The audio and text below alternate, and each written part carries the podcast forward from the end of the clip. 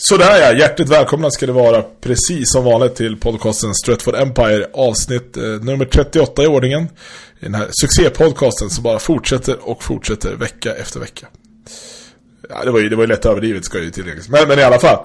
Eh, Mauro Björn med precis som det ska. Ja. Mm. Vi eh, har ju haft en, eh, en ganska händelserik vecka eh, bakom oss. Framförallt så har vi ju en väldigt händelserik helg som, eh, som kommer närmast. Ja, jag vet inte vad känner, spontant om vi bara så här touchar lite. Vad känner ni inför Arsenal på söndag? Det känns väl eh, ganska, alltså det är ganska, ganska nervöst. Ganska mycket klump i magen får jag nog säga. Mm. Eh, samtidigt känns det, känns det någonstans bra att kunna få den här chansen nu och verkligen ta sig tillbaka in i racet på något sätt ändå. Uh, skulle det falla väl ut så känns det faktiskt som att United kan vara att räkna med men fram tills, fram tills dess så kommer det nog mest vara nervöst. Jag är inte, jag är optimistisk men återhållsamt ändå. Mm. Jag tycker det är en chans att, eller vad säger jag? Nu, nu blandar jag ihop det, men jag, jag vet inte, nu, nu dribblar jag bort mig själv här vad jag tänkte säga. Jo, jag, jag mitt i meningen så kom jag på att jag inte visste vad jag skulle fortsätta meningen. Det är så ibland. Eh, jag menar att eh, det är en chans för oss att visa vad vi går för. Det är absolut en, ett test för oss nu att visa och vi kan eh, någonstans vända lite grann nu tror jag. Eh, tar vi det här så kan vi verkligen vända på det. Tror jag. Mm, mm. Härligt. Vi eh, ska ju självklart snacka extremt mycket om Arsenal. Vi ska även prata en del om de två matcher som har varit här. Eh, och sen så, som vanligt så dyker vi in på lite luddiga ämnen. Och det är lite, lite så som det precis ska vara, skulle man kunna säga. Så att nu slutar vi prata skit och så kör vi.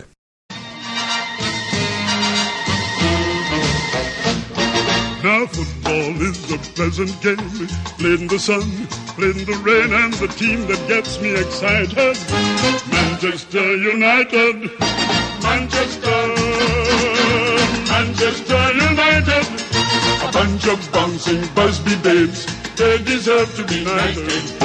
Men vi eh, tar väl ändå avstamp vid uh, Fulham, uh, bortamatchen i lördags.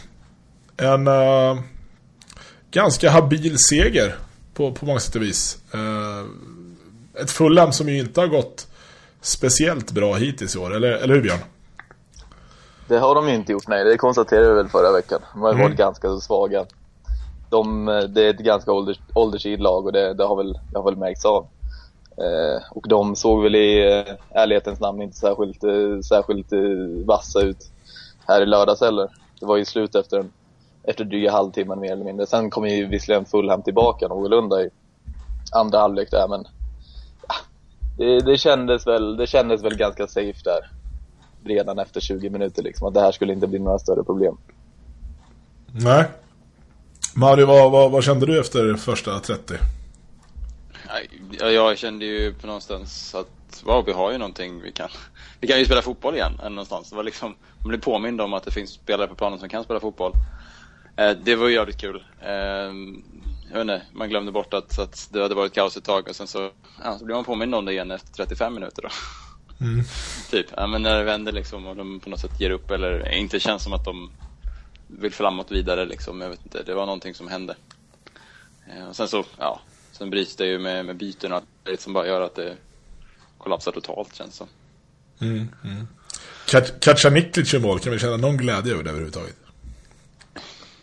Jag vet inte, blev han ens, eller har han ens blivit tilldelad det efterhand? Var det inte Rooney som fick det? Nej, inte enligt vad jag har sett så, så är det hans namn som står. Alltså, okej. Okay. Vilket man kan tycka är konstigt i och för sig. Där den här dubious goal committee säkert. finns det något sånt? Det finns det bara. Nej. De, de, tar, de får ju ett, jag vet inte hur ofta de sammanträder, men de sammanträder ju någon gång i månaden eller två gånger i månaden och sen så ser de över mål som har varit tveksamma huruvida det ska vara självmål eller tillfalla till ja, den som gjorde målet. Alla kostnader som den kommittén har, det känns verkligen som money well spent. Alltså. Fy ja, fan verkligen. vad värdigt. Usch, alltså, där blir jag ju så jävla trött på. Uh, nej, men vi kan väl konstatera det att uh, första 30 var ju... Uh, då var det ju lekstuga liksom. Då, det, var, det var ju så roligt för att Samtidigt som vi började göra mål så började City göra mål. Så vi gick ju nästan hand i hand där. Alltså liksom så här, och så såg man att okej okay, fan det här kan ju rinna iväg. Och så rann det iväg för City och för oss så, så stannade det av lite. Eh, jag läste faktiskt, finns en, en norrman som jag inte riktigt har klart för mig vad det är han faktiskt sysslar med. Jag bara att han är student, tror jag. Som heter Jonas Jäver med reservation för allt vad uttal heter. För att jag kan inte uttala sådana här bokstäver. Men han eh, skrev i alla fall det att eh, ja, United pressar eh, jävligt högt fort och får bollen. Det, och så skrev han att det var gegenpressing-esk. Och det här med esk har det gått lite inflation i, men det är ju jävligt roligt. Eh, men det var ju faktiskt så. Det var ju lite Dortmund-aktigt liksom pressspel det, eller Barcelona, det beror på hur långt tillbaka man vill dra det. Men det, visst, visst såg det ut som att de hade en plan i att, att vinna bollen jävligt tidigt hela tiden. Ja, men det, det, var, det var skitkul att se tycker jag också. Att United hade tillbaka det. För jag tycker de hade det ett tag. Senaste åren har de liksom, som sagt, anpassat det mot vissa lag där de känner att det, det är gynnsamt. Och skitkul att se att, att de eh, faktiskt lärt sig det, eller så att säga tagit till sig det och, och fortsatt med det nu. Men Ja, jag, absolut, jag håller med dig. Ehm, och det gjorde att vi vann boll väldigt mycket. Vi, vi, kunde stoppa dem från att anfalla och det är så man vinner matcher tycker jag. Ehm, man fortsätter pressa högt liksom, men ta det. det. Ja, nu går jag väl händelserna i förväg lite här, men jag tycker att det fanns vissa inslag av det, åtminstone första halvtimmen nu i tisdags mot Sociedad också. Mm. Det låg väldigt högt och pressar högt och så fort Sociedad kommer upp på offensiv planhalva så trycker vi ut trycker vi ut Sociedad i periferin och det funkar jäkligt bra där första halvtimmen. Men sen avtog det lite, lite efterhand, vilket var lite synd. Men det är klart att det är ganska jobbig spel, spelstil så att det går väl inte riktigt att fullfölja det över 90 minuter. Nej, nej men, kan man inte, är det det som är problemet? Ja, men så är det. Det blir jättemycket bara löpa i tomhet liksom. Uh, menar, någonstans så börjar det med att du ska löpa tills Senderos får bollen. Sen är Senderos bollen, då ska du löpa mot Senderos. Så att han måste slå upp spelen. Och då är det ju då, då vinner man ju bollen. För att du vinner ju varje boll som sänder och slår. Uh, och det blir, det blir ju väldigt liksom Men nej, jag som själv haft en rätt imponerande karriär själv Sådär så så jag vet ju hur jobbigt mina forwards tyckte att det var Men uh, Nej men eh, det, det, var faktiskt eh, fascinerande Och jag tyckte någonstans att eh, Janusaj var den som någonstans ledde hela den här typen av, av pressspel Eh, för att det är hans, att han kan springa jävligt länge, det vet vi. Vi vet att Rooney kan springa jävligt länge. Men det är hans energi och liksom vilja från första liksom sekund någonstans gjorde att de andra bara hakar på. Ja, det är så superviktigt att vi har en sån i, i, som säger, viktig i navet eller sådär, lite pådrivare som, som visar vägen. Det har visat sig med Rooney tidigare och nu är det så skönt att vi får en till liksom sådär ångmaskin som bara tuffar på. Det är, mm. det är helt underbart. Eh, vi behöver verkligen det. Han, han, han är ju en typisk, han är en typisk igel. Han, han hänger, han hänger på. Så, så fort han tappar boll så, så jagar han, försöker han jaga i fatten. Mm. Det är lite skillnad jämfört med en sån som Valencia. Valencia kan ju, han är ju fruktansvärt snabb, men när han väl har börjat springa så springer han ju bara åt ett håll. Han är inte så bra på rörelseförändra liksom. Han kan inte vara den igen på samma sätt. bra liknelse. Det är jävligt bra sagt tycker jag. Grejen med Valencia, jag börjar känna så här, är han så jävla snabb längre? Jag tror det. Jag vet inte. Man kan inte bara inbilla sig det. Jag tycker att efter hans skador och sådär så tycker det känns som att han har tappat jävligt med sin speed. Jag vill ju inte likna någon vid Michael Owen överhuvudtaget, men det är lite likt Michael Owen. Men blev han inte ganska nyligen, eh, eller det kanske var, det kanske var många år sedan han ja, var Premier League snabbast spelare? Ja, men jag tror att det var liksom för, förra säsongen någonstans. Ah, okay, okay, okay. Ah, jag ska inte svära på det så, men, men, eh, men jag tror det. Jag, för jag tycker mig se att det, liksom, det går inte lika fort längre, och det tycker jag är jävligt tråkigt. Han var jättesnabb på kort eh, distans, alltså verkligen typ så första tio metrarna. Ja, det var ju ruggig. Men, och, det är lite långsammare på definitivt. Ja, exakt. Det måste hålla med Nej, så det, det, det var det. Jag tycker ändå att eh, ska man liksom ge någon ytter förutom eh, Janusaj rimligtvis. Men om man ska ge någon ytter godkänt så, så är det ju Valencia. Han har ju å andra sidan fått absolut mest chanser också. Uh, det kan jag känna att det där är, det är någon, någon typ av, uh, av betyg till honom ändå. För att uh, det var en grej att Ferguson tog ut honom vecka efter vecka oavsett hur liksom jävla sur man blev på hans inlägg. men att nu även Mois liksom nöter honom fortsatt, det visar ju ändå så här, okej okay, men han är ju den som är jämnast och troligtvis bäst liksom. Vilket är coolt. Mm. Men det är ett ganska säkert kort på något sätt och då vet man får det väl det menar liksom. Ja, men exakt. Ja, men det, Det det. Precis. Sen att han kanske... Jag menar, han slår inte bort 40 inlägg som Young gör. Liksom, och det, Nej. det är värt bara det. Eh, jag läste en intressant grej i går tror jag det var om just Sociedad-insatsen och hur vänsterkanten fungerade. Att Kagawa eh, Evra-kombinationen var klassisk så här, Moise-grepp. Liksom. Att ha en, en, eh, en vänstermittfältare som gärna drog sig inåt plan och sen har du en vänsterback eller ytterback då som gärna trampar uppåt. Mm.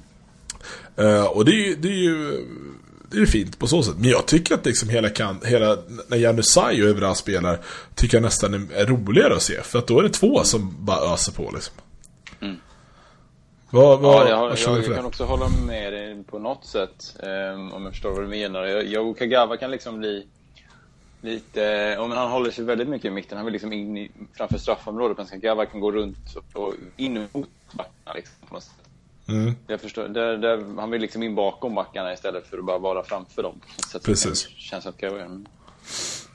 Ja, det är det- känner Jag för att fylla ut det, alltså när, när, när, när Evra får hela kanten för sig själv som han fick senast, då med Kagawa på kanten. mm. Då blir det ju lite mer det här syndromet att Evra bara, han bara springer och springer och springer och, och gör sig tillgänglig så får han förr eller senare, om det vill sig väl, en pass ut på vänsterkanten och sen så blir det ganska ofta visserligen bra inspel men med Janusaj så blir det då känns det som att det finns bättre det blir ges bättre lägen för att kombinera sig framåt och faktiskt bryta in i planen med boll. Mm. Eh, istället för att Kagawa saker bara ytor och sen det, det händer inte lika mycket kreativt tycker jag. Någonstans. Nej men precis, det känns som att Janusaj är bättre på att ta sig till faktiska lägen själv Ja. än vad Kagawa är. Eh, så, så är det. Eh, vi, vi ska nämna det också, det var ju kommit ut här i, men om det inte var i början av den här veckan, att Evra är den, den försvarare som har skapat flest målchanser i hela Premier League i år. Jag såg det också. Det sjukt. 16 stycken. Eh, och då satt vi ändå här för bara några veckor sedan och tyckte att det, ja, det är rimligt att han drar nu liksom. Tänk om man gör årets säsong och sen drar han till Monaco. Han ska avsluta på topp. Ja, i och för sig, för sig. Ja, det, det, det är ju det är ju värdigt att han får, om man skulle få ett lite schysst avsked. Att inte, men, men vi ska inte prata om Evran, för det har vi gjort så mycket ändå, så det, det behöver vi inte hålla på med. Eh, det vi däremot ska, ska toucha vid är ju vad som hände efter paus. För att det var, det var som ett annat lag. Och, då, och då, det brukar man gärna använda i en positiv bemärkelse. Men i det här fallet var det ju även vad som hände. Eh, vi, vi tog ut Rafael skadad, Evan skadad och eh, Cleverly som plötsligt inte såg någonting, vilket ju var spännande bara det. Alltså hans, hans tecken när han visar det, jag ser ingenting. det, det såg så jävla komiskt ut. Ursäkta. Men det var, det såg väldigt märkligt. Och liksom så här, han fick bollen och så bara slog ut den och så började han skaka med handen framför ögonen. Så man bara, vad håller han på med? Ja, jag reagerade direkt på det. Det här är ju konstigt. Men äh, är någon som har någon, någon logisk förklaring till varför det blev som det blev någonstans? Alltså jag, jag tror väl, eller som jag upplevde det i alla fall, så var det väl att det, det blev ju det blev ju på tok för stökigt när vi var tvungna, när vi blev tvungna att göra tre, tre byten där direkt i alltid. Det blev ju stora, stora förändringar framförallt i backlinjen. Och Småling fick väl gå ner på högerbacken. nej vänta, Valencia gick ner på högerbacken. Och Småling kom in centralt. Och det, det var ju fruktansvärt stabilt där i första, men i andra så det försvann bort lite. Samtidigt så kom ju kanske Niklic och Farabdin på, på varsin kant i Fulham. Men det, de fick ju något av en inje, injektion där ändå. Fulham spelade upp sig samtidigt som det blev på tok för struligt i United. Offensivt vet jag inte riktigt vad som hände, men det kanske var en följd, följdeffekt av att det blev kaos. Jag vet inte. Och samtidigt fick jag lite känslan av att det faktiskt var så att man backade lite, eller liksom höll igen lite. Det var inte alls det där... Ja men absolut var det inte samma driv som i första halvtimmen, men, men man kunde ju begära lite mer kanske av de spelarna som sattes in då. När han var liksom på höger, högerbacken liksom, så kanske man kan tycka att den kanten skulle kunna bli lite mer offensiv. Men det, det, det, det var så här, ska man säga, de söktes liksom inte lägen. Det var, det var inget driv att ta sig framåt och avgöra, liksom göra fler mål. Utan man på något sätt nöjde sig. Det var, det var tråkigt tyckte jag att se.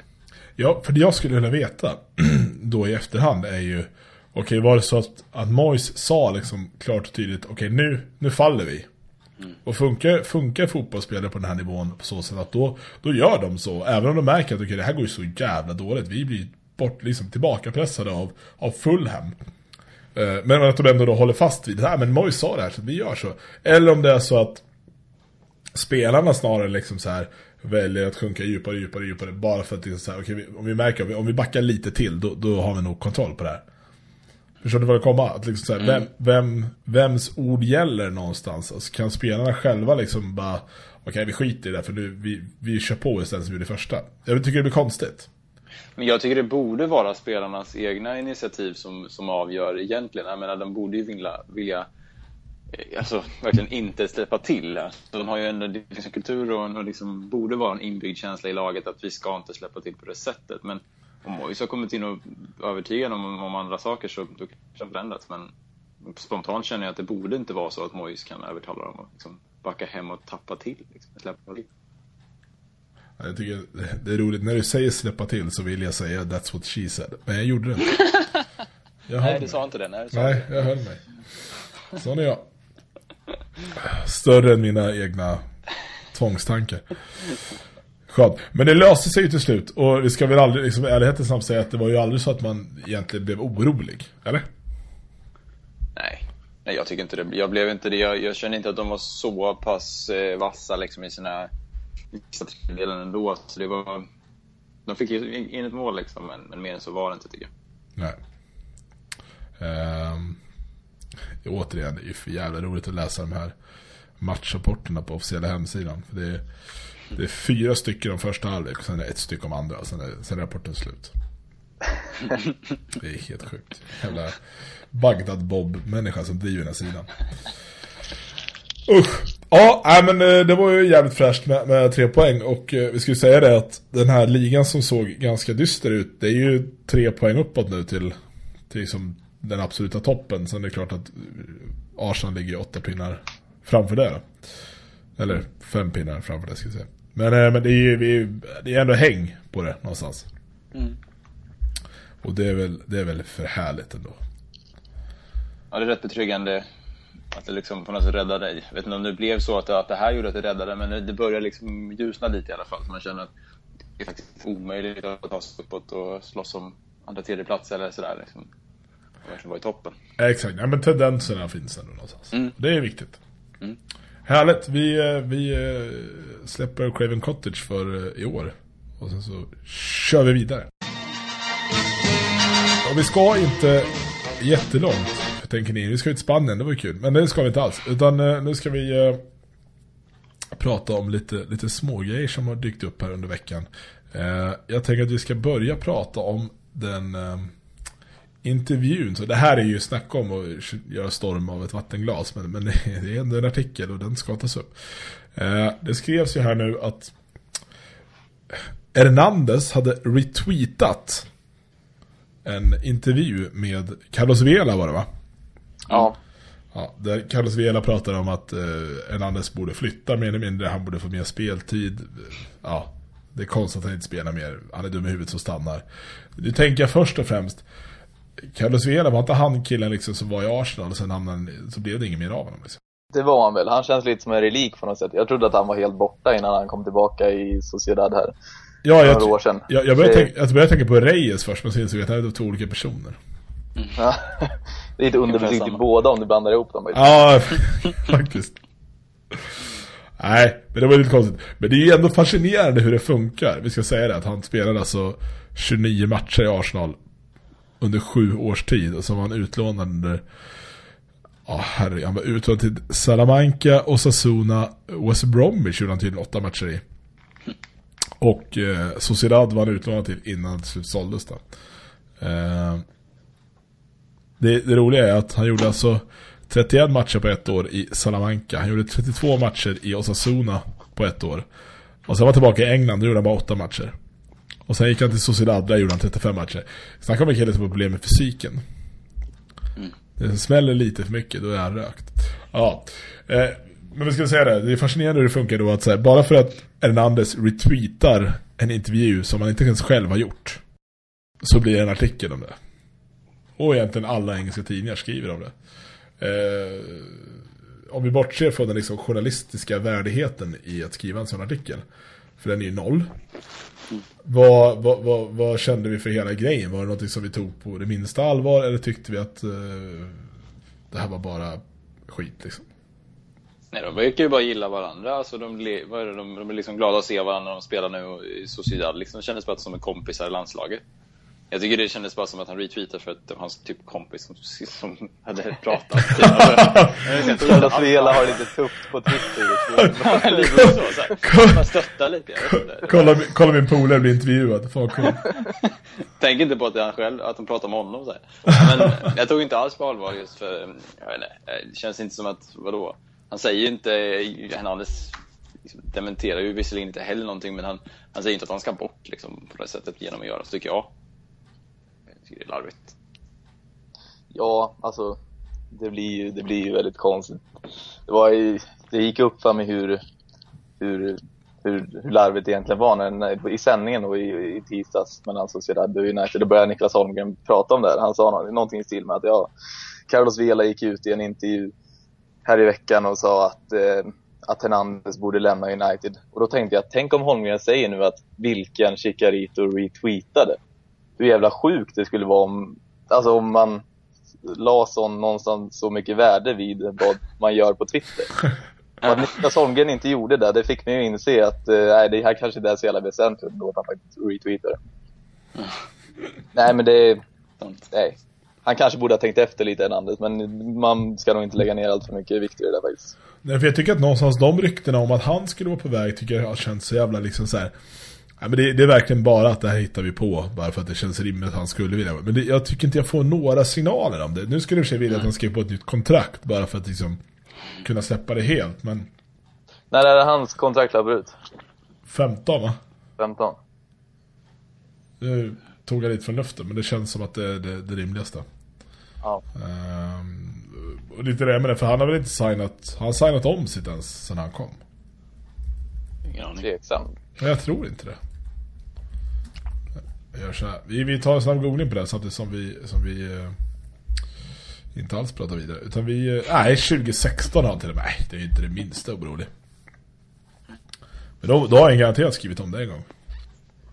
Han kan ju inte ha signat sex års kontrakt först han gjorde. Det låter ju helt sjukt. Ja, det gör man ju inte. Nej, det gör man faktiskt inte. Hur som helst, det är ju totalt då, ja, två och ett halvt år kvar. Och det känns ju ändå så att så här, då kan du väl signa ett nytt där då. Det vore väl soft. Men äh, icke.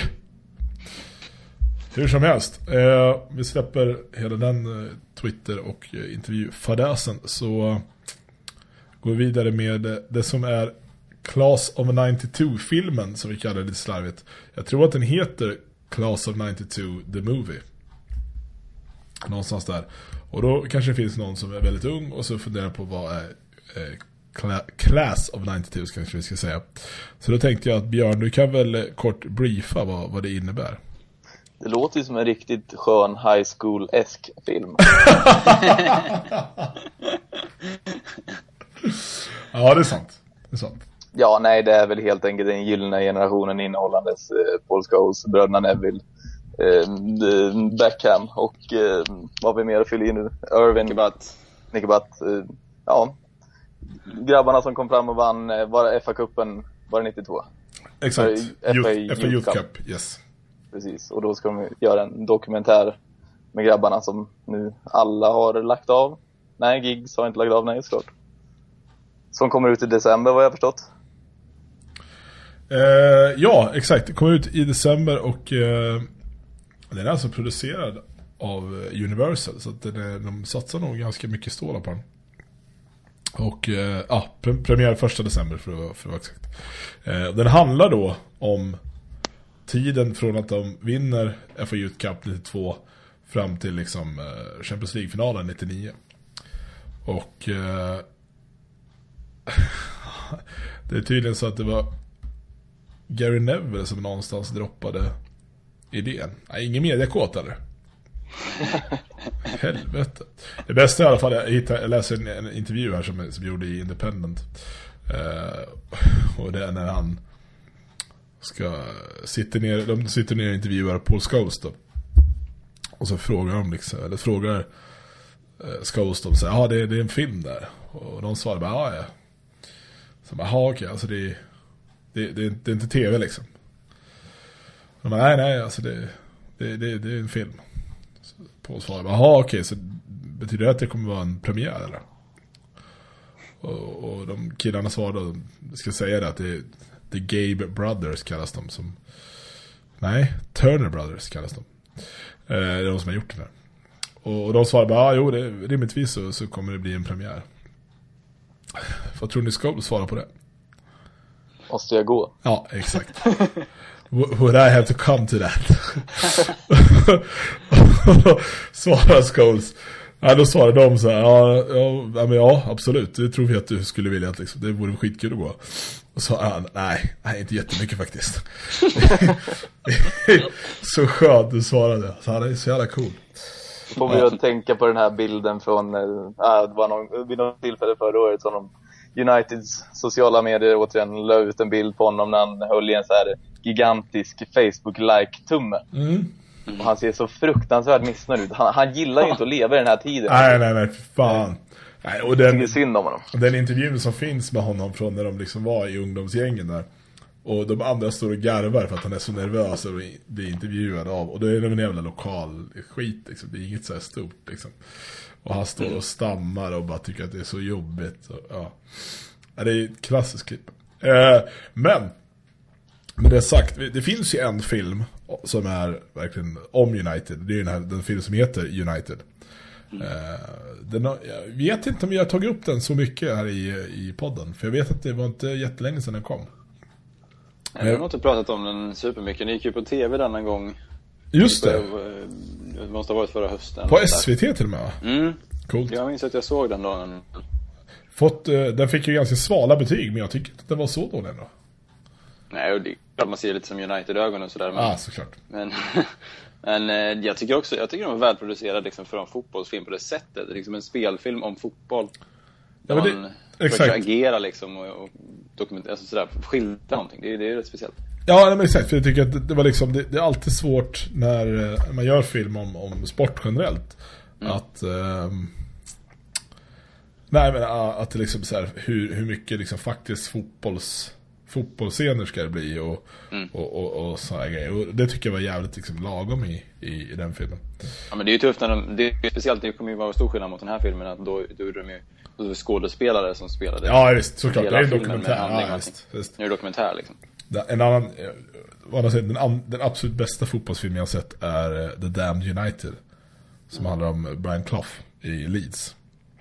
Eller ja, det gick inte så bra i Leeds, men det handlar om hur hur det var när han var manager i Leeds. Och i 44 dagar så blev det inte så mycket mer. Så har du inte sett den, se den. The Damned United kan ni skriva upp. Men, det, jag menar, det, ju, det här är ju en film vi vill se någonstans. Ja, som fan. Ja. Fatta bara att få höra Paul Scholes prata på riktigt. ja, det är, det är imponerande att han kan säga något på, liksom vid kameran. Ja men faktiskt, för jag menar, vi vet ju, vet ju att Gary Neville, han kan ju prata tills liksom öronen ramlar av. Mm. Beckham är ju så medietränad så att det, det finns ju inget liksom till åstycke. Uh, Giggs, okej okay, han är ju väldigt politiskt korrekt men, men han är ändå liksom, han pratar, Nicky Butt pratar, Phil Neville pratar. Men det är ju, Scholes är ju så jävla spännande alltså. Mm. Och frågan är hur många samtal det tog från de andra för att få honom att ställa upp överhuvudtaget. Mm. Det enda kan kännas som en smolk i bägaren det är det faktum att de här bilderna som kom ut för något halvår sedan när de kom gående i Manchester allihopa att det var för den här filmen. Det kändes så här aha, ni häng, brukar inte hänga alltså hela den game dog lite. Det hade, varit, det hade varit coolt om det var så att de här liksom sex legendariska fotbollsspelarna liksom verkligen hängde på fritiden också och gick ut och drack en öl bara för att de kunde. Så. Ja, jag håller med dig om den är häftigare. Vad säger du Björn? Jag tänkte att det är lite Uniteds motsvarighet till Ibra och Mellberg och den gamla Alexander Östlund. Chippen. Chippen också. Ja, han glömmer man lätt bort. Ja, Usch, vad hemskt att jämföra dem med dem. De med dem. Också jag ber om ursäkt. Ja, gör aldrig om det. Kul, vi ser fram emot den och vi, eh, jag har för mig att jag säger att den här släpps liksom på bio men den kommer också släppas på, på DVD liksom ganska direkt eh, samtidigt. Det är lite som med den här Jobs-filmen som nu går upp på bio som redan finns på DVD i USA. Så att, eh, ja, mm. det är rätt ruttet. Hur som helst, vi har en liten notis kvar. Jag tror att det framförallt är jag som har liksom reagerat på, på hela den här grejen. Men det är ju det här med eh, Shinny Kagawa och hans något tveksamma musiksmak. Uh, och du, du, sa det Mauri innan vi började spela in att Olly Murs, som man då uppenbarligen gillar, uh, han är från X-Factor, han är en X-Factor-produkt alltså. Mm. Ett par år sedan någonstans när han kom, jag vet inte, en bit, för nu inte, inte längst fram absolut, utan liksom halvvägs någonstans i finalerna och så började han göra musiken då, då. han blev signad av hans, hans mentor sen. Mm. Vi ska, vi ska börja med här och spela upp eh, typ 30 sekunder av en Olly Murs låt får vi se om ni håller, eh, håller med, framförallt mig.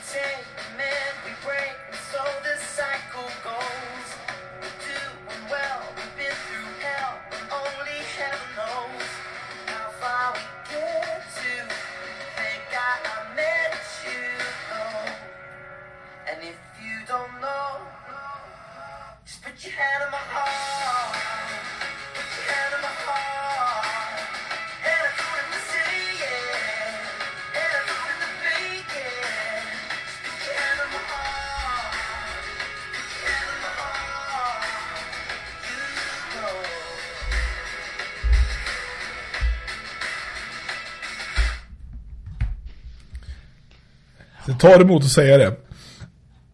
Men det låter som en dålig Justin Bieber. Jag trodde aldrig att det skulle ta slut. ja, det är så oerhört plågsamt.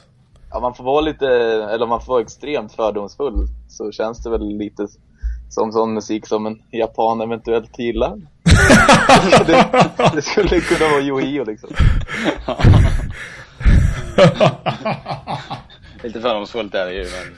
Lite grann, lite grann. Lite men det, men det är så här typisk eh, mainstream som de gör, skriver ihop på en kvart ungefär och här, sjung den här så kan du tjäna lite pengar. Mm. Ja. Säljer vi den till 14-åringar och sen så går vi till nästa låt liksom. Bara, bara titeln, eller att han sjunger i refrängen Hand on my heart gör mig spyfärdig. Nej, ja. riktigt dåligt och det, det, det kommer jag se ut. Det som är lite suspekt är att bilderna på dem tillsammans är ju liksom, då står ju Kagawa i, i full jävla träningsoverall hela däcket. Vilket jag tycker känns väldigt märkligt. Och då funderar jag lite på, är det här bara arrangerat? Eller var han de facto på någon konsert? Och stod då i liksom, träningsoverall och kollade, jag förstår inte riktigt. Nej, det... så har plockat efter någon träning eller något sånt där. Bara hej, ta en bild med mig. Så här. Jag vet ja. knappt vem Molly Murs är. Och så bara skriver de att det Phantom. han, han går säkert in i omklädningsrummet och sa vad han ville göra. Och Kagawa var en som inte fattade vad det betydde. kan vara så. Uh, det, det är i alla fall en jävligt skön snubbe som har tweetat här liksom. Get him sold ASAP. Uh, och så är det en bild på de två. Uh, ja, vi får se.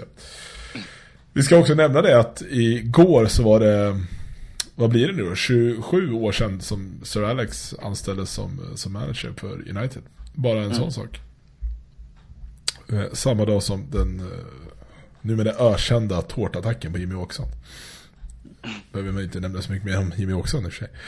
Eh, vi ska också nämna att Van Persie nu är den holländare som gjort flest mål i Premier League med 128 stycken. Det är ganska bra, han har ändå slagits med liksom Hasselbank, Van Nistelrooy. Alltså det är inga jävla tonåringar han har kött över. Eh, så det har han gjort, han har gjort riktigt bra. Det är bara att fortsätta med det. Ja, det får vi väl absolut hävda. Vi kan väl hoppas att han liksom är den bästa holländaren i, i Premier League för en lång tid framöver. Eh, det vore ju coolt. Kul! Men uh, ska vi säga att uh, det var det nyhetssvepet vi behövde och sen så skickar vi oss vidare till lite mer seriösa saker. Absolut. Ja. Bra, då tänkte ju jag eh, på min kammare att vi skulle prata lite om eh, Tom Cleverly. Jag vet inte vad ni känner inför det. Känns det okej okay för er? Eh, ja, nej men absolut. Ja, vad bra. Då pratar vi om Tom Cleverly. Det är ju så att eh, om man ska toucha lite vid eh, Arsenal-matchen så var det så att när Ramsey gick till Arsenal så var han minst lika aktuell för United. Och jag tror att anledningen, det här är helt egna fantasier, men anledningen lite till att United inte satsar mer på liksom, faktiskt ta honom var för att man trodde väldigt mycket på Cleverly. Mm.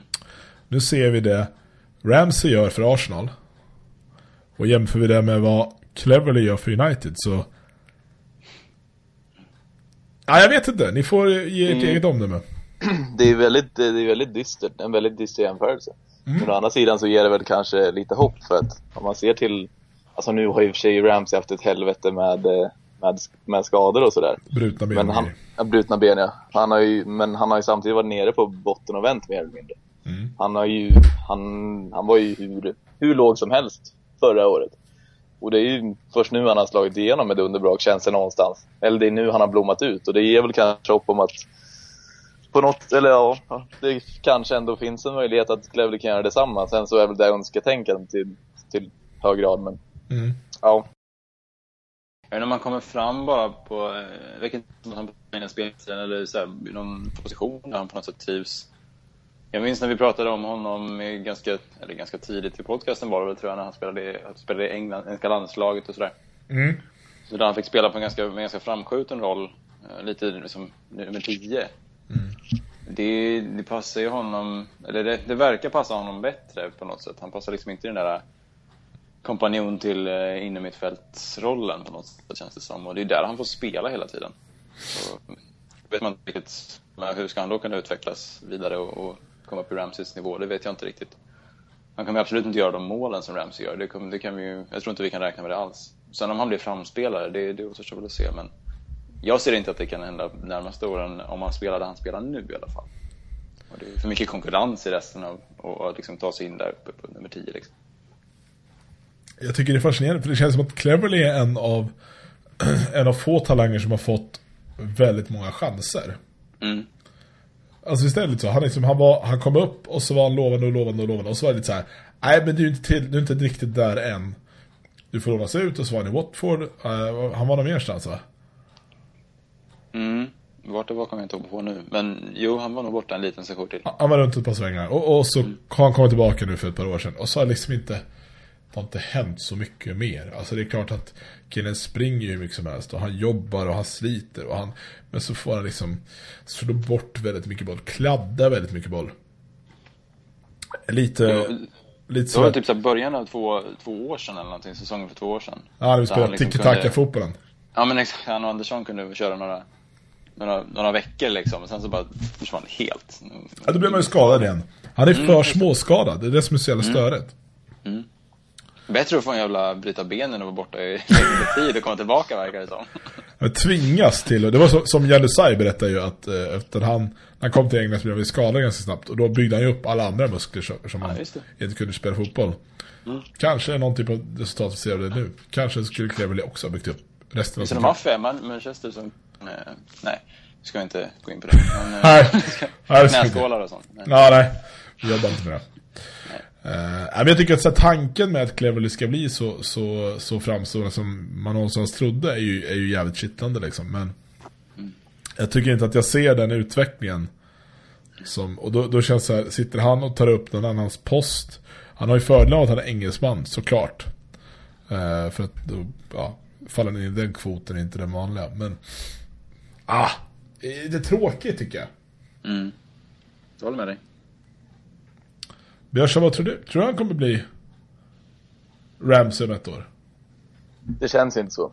Alltså jag har väldigt, väldigt svårt att se det. Som, det. som det ser ut nu så känns det verkligen som att han, han kommer utvecklas till en, till en truppspelare. Det har vi varit inne på många gånger. Att det, är, det är svårt att se att han kommer, kommer nå den här punkten där han där han lyfter iväg, eller där han, där han får luften i vingarna och verkligen når sin, når sin eventuella potential, om den ens finns där. Mm. Det har väl liksom hela tiden varit något av ett, öns kanske ett önsketänkande, att man verkligen vill att han ska vara den här egna produkten som kommer igenom och, och blir den nya mittfältsdirigenten. Man kanske helt enkelt har blåst upp honom lite för mycket. Det, det, kan vara så. Eller så har han bara tappat det längs med vägen. Mm. Nej, jag tror inte det. Problemet med Cleverly är att man ser att han springer och springer och springer men jag ser inte riktigt vad det är han är bra på egentligen. Alltså jämfört med Kagawa som har ett eh, spelintelligens som är kanske bättre än många andra och, och har teknik som, som är helt fantastisk. Men, men, men, men saknar fysiken då kanske. Cleverly har ju fysiken. Han kan ändå ja, men, köttas med de här jävla Cattermall och fan vad de heter in centralt i mitten. Men, men Kagawa klarar ju inte det. Och jag tycker att det känns så destruktivt att en sån kille går före på centralt mittfält än vad en Kagawa som har liksom, ja, det offensiva bollspelet. Liksom. Mm. Ja. Alltså det, jag tycker det har kommit lite till den här nivån också att man, man, man, har, man ställer ganska, eller man ställer låga krav på Cleverly. Jag, man, jag förväntar mig aldrig att han ska göra någonting extraordinärt utan jag blir ganska nöjd om han startar en match och sen så tar sig igenom den utan att göra några större misstag och inte alltså hålla, hålla det väldigt enkelt. Mm. Och det är ju aldrig ett bra tecken om man har de, de, den typen av förväntningar på en spelare. Ja, spelar du Liverpool så Hur många andra United-spelare får vi det? Har vi den känslan för liksom? Nej, ingen. Nej, det är, det är ganska Nej, sjukt alltså, egentligen. Till och med, alltså, när Andersson får starta, när det, det, är ju väldigt, det är väldigt sällan, men jag förväntar mig faktiskt någonstans mer av, alltså, jag, jag mm. har ändå känslan av att Andersson kan skapa mer än vad Cleverly kan göra. Nu kommer, det, snart, nu kommer, det något. Nu kommer jag snart börja förvänta sig att, att Fellaini inte ska bli utvisad i, i en match. Det är liksom det är de krav. Ja, nej, men det var det med Cleverly och eh, det är rätt tråkigt. Jag kan lida lite med, med honom, framförallt mig själv, för att jag tyckte att det vore så coolt om han blev bra. Med det sagt så ska vi prata om, om något helt annat. Vi ska prata om det som hände i, i tisdags när vi spelade mot Sociedad. En match som slutar 0-0 som någonstans gav mer smak. Det kan Absolut. bara vara jag. Men alltså jag hade förväntat mig ett så... Det ska jag inte säga att att liksom Sociedads eh, ovilja att gå framåt. Men jag vill ändå påstå att det var liksom United som kontrollerade det så pass bra så att Sociedad aldrig gavs chansen. Eh, har jag fel eller har jag hyfsat nästan rätt? Jag är inne på samma spår också. Definitivt.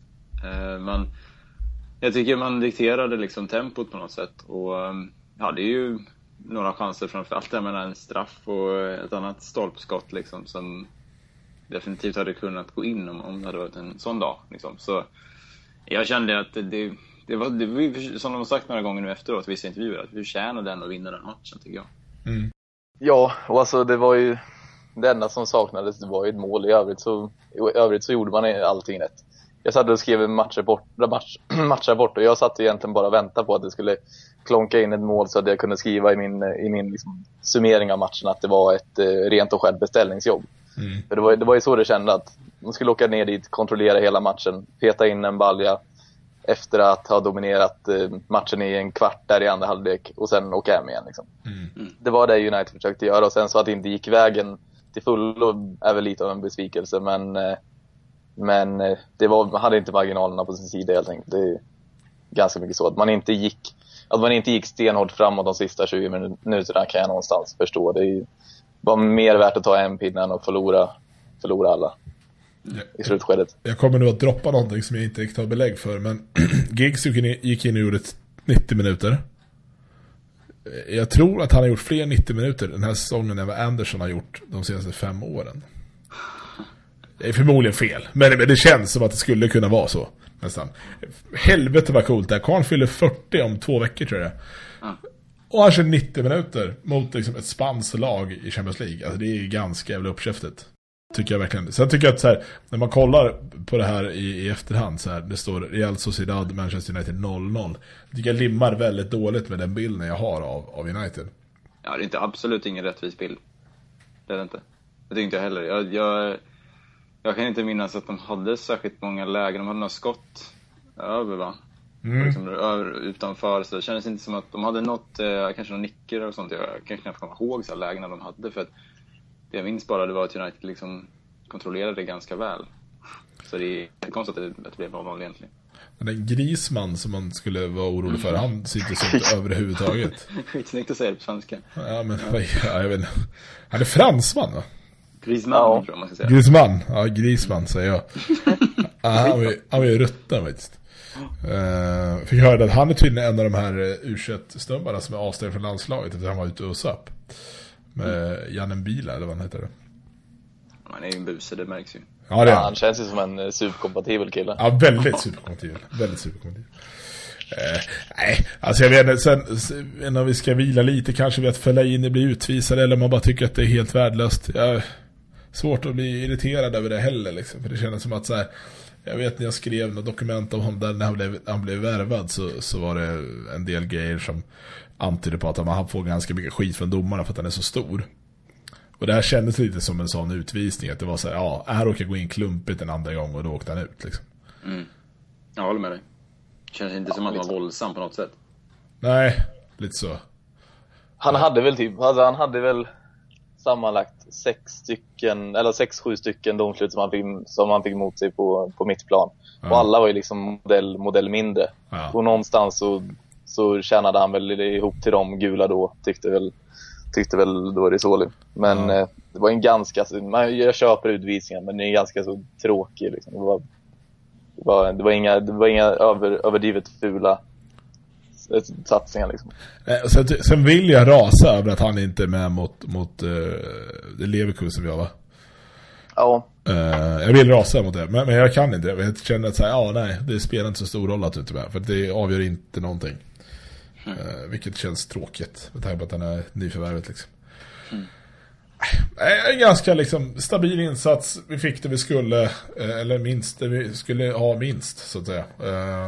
Och så hade vi garanterat bud på fler och det var väl, det var ju trist att det inte blev mer, men det är så det är ibland. Det är ganska bra läge på något sätt. Tycker man ändå. Ja, exakt. Uh, jag tycker det var kul att uh, Kagawa ännu en gång gick in och presterade centralt på mitten. Jag tycker det är konstigt att han inte får chansen någon jävla gång på sin rätta position. Mm. Det kan jag störa mig på. Men det är sånt, sånt som jag är. Nu skiter vi i det som varit och så bara fokuserar vi framåt utav helvete. Och eh, då gör vi det rimligtvis med att sätta på oss Arsenal-glasögonen och eh, vi börjar med att titta på tabellen och ser att Arsenal leder ganska, eh, ganska stort. Fem poäng, ändå eh, respektingivande stor ledning. Och eh, tänker att ni får gärna delge av vad eran, eh, er syn på årets Arsenal är. Ja, alltså man kan, om man får formulera sig, eller den korta versionen är väl att jag hade ju aldrig i helvete kunnat tro att det skulle se ut så här för, för, två, eller för tre månader sedan. Liksom. Man är ju, är ju ruggigt, ruggigt imponerad av Arsenal. Det är, de är stab, mer eller mindre ganska stabila rätt igenom och har en livsfarlig offensiv. Samtidigt, Ö, eller ja, Özil har gjort precis, precis, eller han har levt, levt upp till alla förväntningar.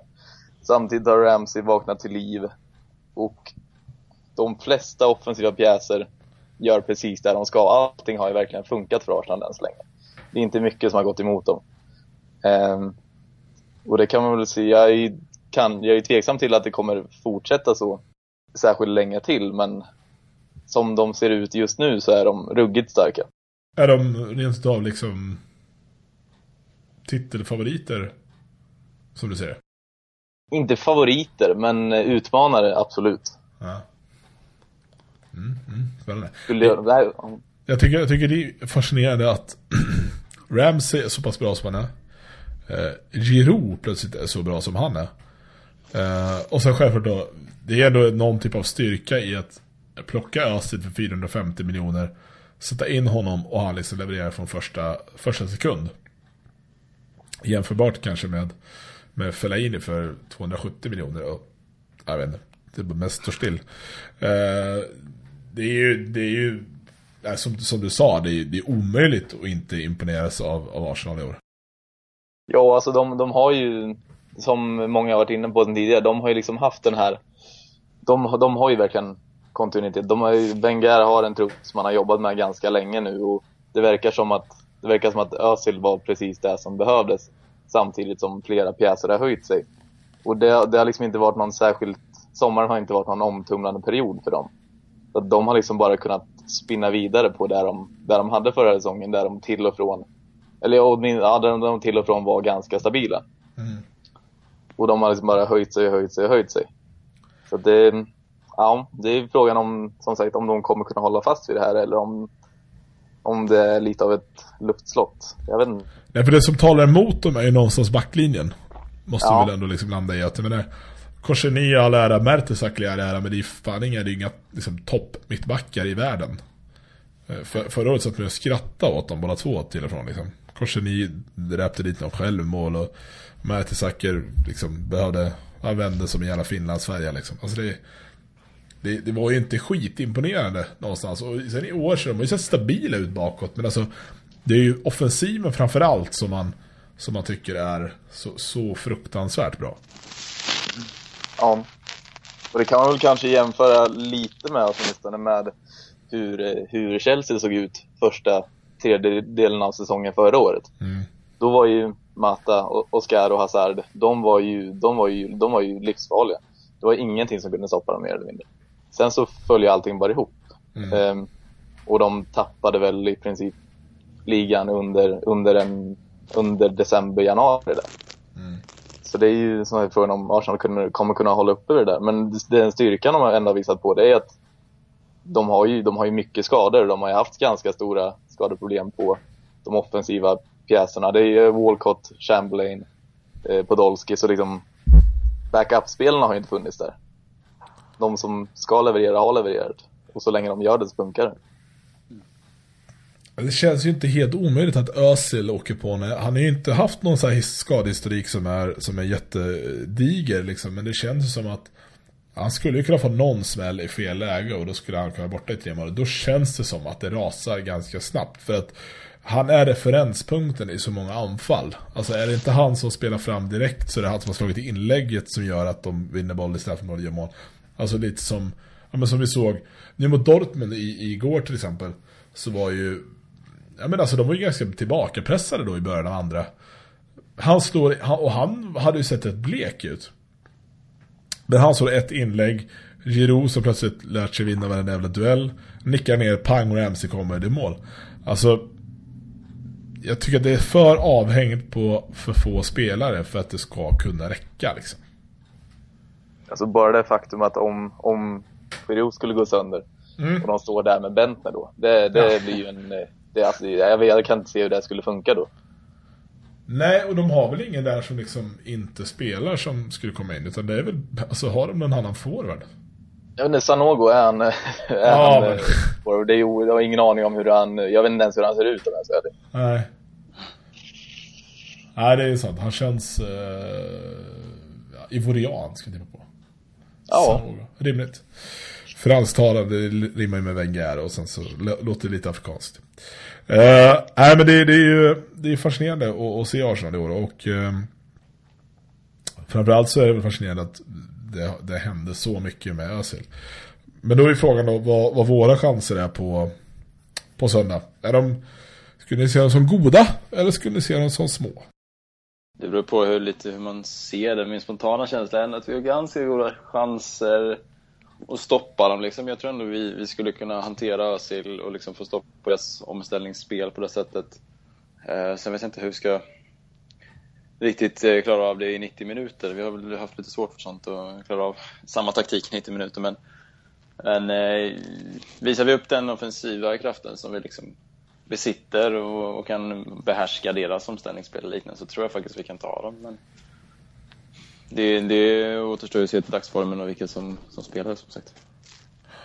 Alltså det känns som att eh, det finns någonting alltså berättelsen om hur Arsenal stormade fram i början av Premier League United knackade ordentligt visade stopp för deras form samtidigt som vi tände till vår egen och så vann vi ligan. Den storyn köper jag. Mm. Förstår jag menar? Det, det, det, det, kan jag leva med liksom. Mm. Helt okej. Okay. Därmed inte sagt att, att det, det kommer bli så. Jag vet inte, inte. Helt, inte helt orimligt. Nej.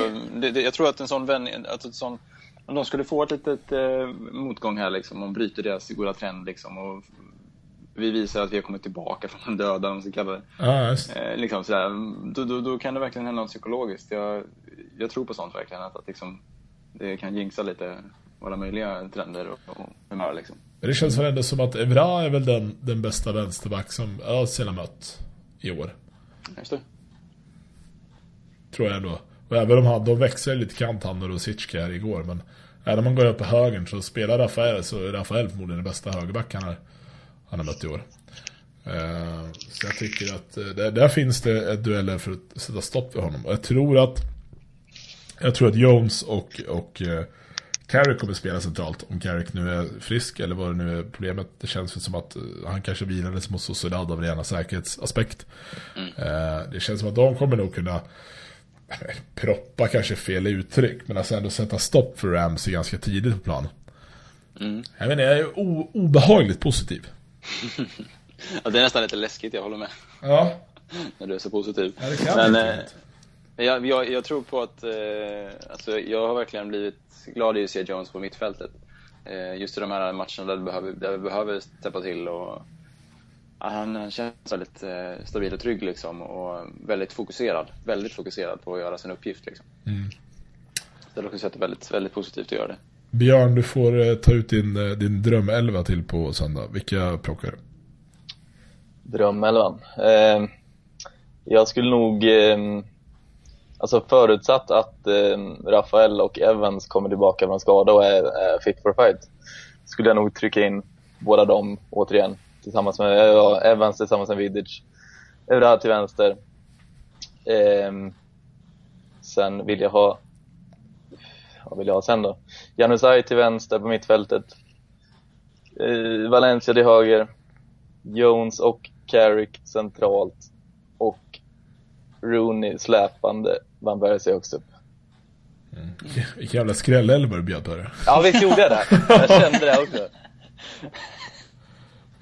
Ja, det var svårt att gissa vad den skulle Ja, det var riktigt lurigt.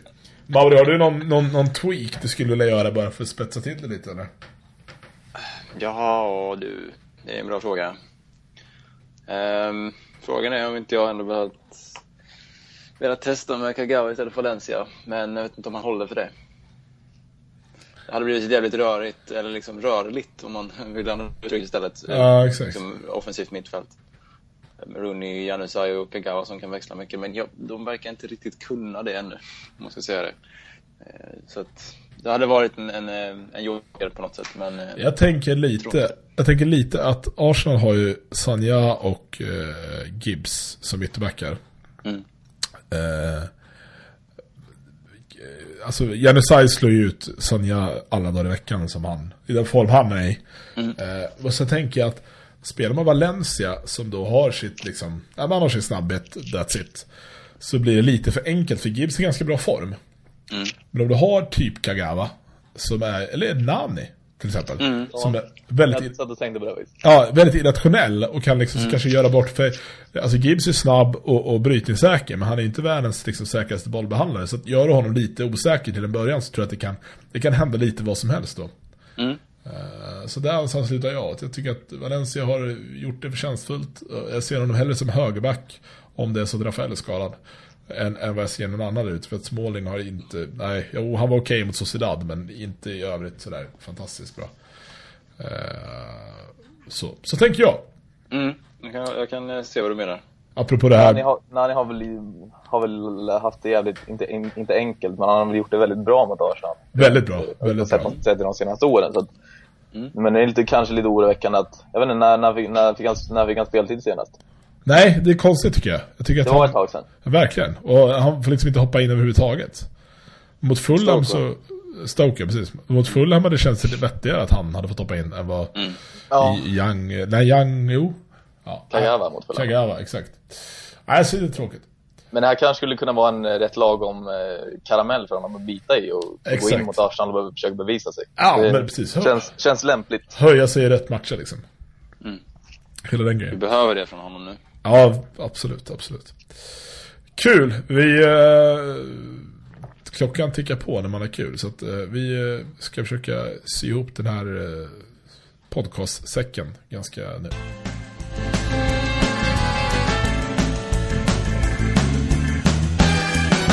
veckans Suarez. Så då, då eh, ska vi helt enkelt bara stänga den här butiken. Nu har jag använt två klyschor på rad, vad charmigt av mig. Eh, vi ska ju självklart avsluta med veckans Suarez och eh, det går ju den här veckan, Mauri, till, till någon som har eh, fått det förut?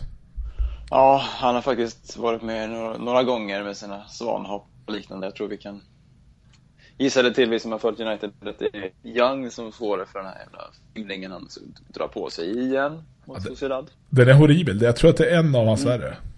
Mm. Han får ju, jag vet inte vad de, de, de är inte ens nära honom känns det som. Han bara slänger sig liksom. Nej, men det känns, det känns nästan ut som att han sträcker ut armen själv mot den andra killens arm för ja. att få falla. Ja. Nej, det är fruktansvärt. Det hör inte hemma i United. Vi pratade ju lite, eller vi pratade om det senast när vi, när vi eh, dividerade om Young att, att han kanske har nått den här punkten att han, han är så pass invand med det att han inte kan sluta. Mm. Mm. Och det kändes lite som det nu för att det, jag, tyckte, jag tycker att det ser ut som en touch men den är så pass liten. Men att han, liksom, att han känner så fort han får en liten, liten touch på sig så bara faller han. Mm. Mm. Den, den känslan fick jag av den här filmningen. Mm. Mm. Ja, men jag tycker det känns som att han, han liksom söker duellen för att kunna eventuellt falla. Alltså det är så, det, är liksom, det går så långt bak i huvudet att han liksom mm. Istället för att kolla, okej, okay, var kan jag sätta den här på mål? Så bara, när jag går mot en kille så kan jag lägga mig ner. Det är helt sjukt! Sjukt det! Ja. Oerhört irriterande. Ska jag säga det också att eh, vi har ju varit på sådana här skribentträffar med svenska fans. I alla fall du och jag, Mauri. Eh, mm. Även om vi varit i olika städer. Eh, och Björn, du bor i Linköping och eh, det, vi kommer ju aldrig ha en skribentträff i Linköping, det säger sig själv. Snälla Pavlidis, förlägg en hit nästa, Ja, det lär ju inte ske. Eh, men det var kul. Eh, och det som kom ut ur det bland annat är att på måndag kommer jag sitta med Eurotalk igen. Oh. Just det, det visste inte ni om ens. Uh, så så är det. Så på måndag, om ni inte brukar kolla på Eurotalk så kommer det vara jävligt kul att kolla på Eurotalk för att då, då är jag med. Och det vore väldigt skönt att sitta där och uh, ha vunnit mot Arsenal snarare än att ha förlorat mot Arsenal. det skulle vara oerhört jobbigt. Så att, jag vet inte när det brukar vara, 11 typ, någonstans där. är det live och sen så ligger det på webben och då, ja, ni får se hur jag ser ut. Det har ni sett. Fick väldigt mycket skit för min klädsel senast. Vilket känns oerhört märkligt med tanke på att jag satt i kavaj och skjorta. Då, då, kan man få skit för det också, för det var för påklätt. Har du lagt upp någon bättre strategi nu då? Ja, jag vet inte. Jag funderar på någon sån här riktigt äcklig t-shirt. Eller man ja. kanske skulle sno eh, någon annans klädkoncept. Köra så här St Steve Jobs-kläder. Sitta i svart polo. Nej, det... kommer, kommer du marknadsföra podcasten eller? Ja, jag har tänkt att de ska få skriva liksom, istället för att det står United, svenska fans Man United ska det stå Stretford Empire podcast eller så. Ja, på något sätt. Om de inte går med på det, då får du ju kuppa istället. Ja. ta, ta en Göran Balotelli med tröjan under. Ja, det skulle jag kunna Fan, det är synd att vi inte har någon t-shirt. Vi snackade ju om det, ja. du skulle fixa t-shirt. Ja, jag vet. Fan, det skulle du kunna fixa. Ja, det här var coolt. Mm. Ja, det blir svårt det på måndag dock. Det blir tajt. Men äh, ja, vi får se vad som blir mest spännande. Vad jag pratar om eller vad jag har på mig. Det, det får, får framtiden utvisa helt enkelt. Uh, men uh, utöver det så håller vi tummarna på söndag. Uh, vi siktar ju på att spela in ett nytt avsnitt nästa vecka. sen är det väl så att det är landslagsplayoff och hela den grejen med mitt i. Om, det stämmer. Visst är det så. Så det är någon, någon veckas break där igen. Vilket ju är, eh, vilket är tråkigt. Men det är så det är. Då ska vi piska tillbaka Portugal säger de. Får vi se hur det går. Så att, nej precis. Det är match nu på, mot Arsenal på söndag. Sen är det två veckors uppehåll innan vi ska spela mot Cardiff. Eh, genom två veckor. Mm. Så det, det var det. Så att säga. Men nu så eh, tar vi, tar vi nästan helg. Vi ska ta oss in med fredag också. Annars är det helg. Och sen så, så hörs vi nästa vecka. Ha det. Hej. Hej. Tjena. In the rain and the team that gets me excited. Manchester United, Manchester, Manchester United. A bunch of bouncing Busby babes, they deserve to be knighted.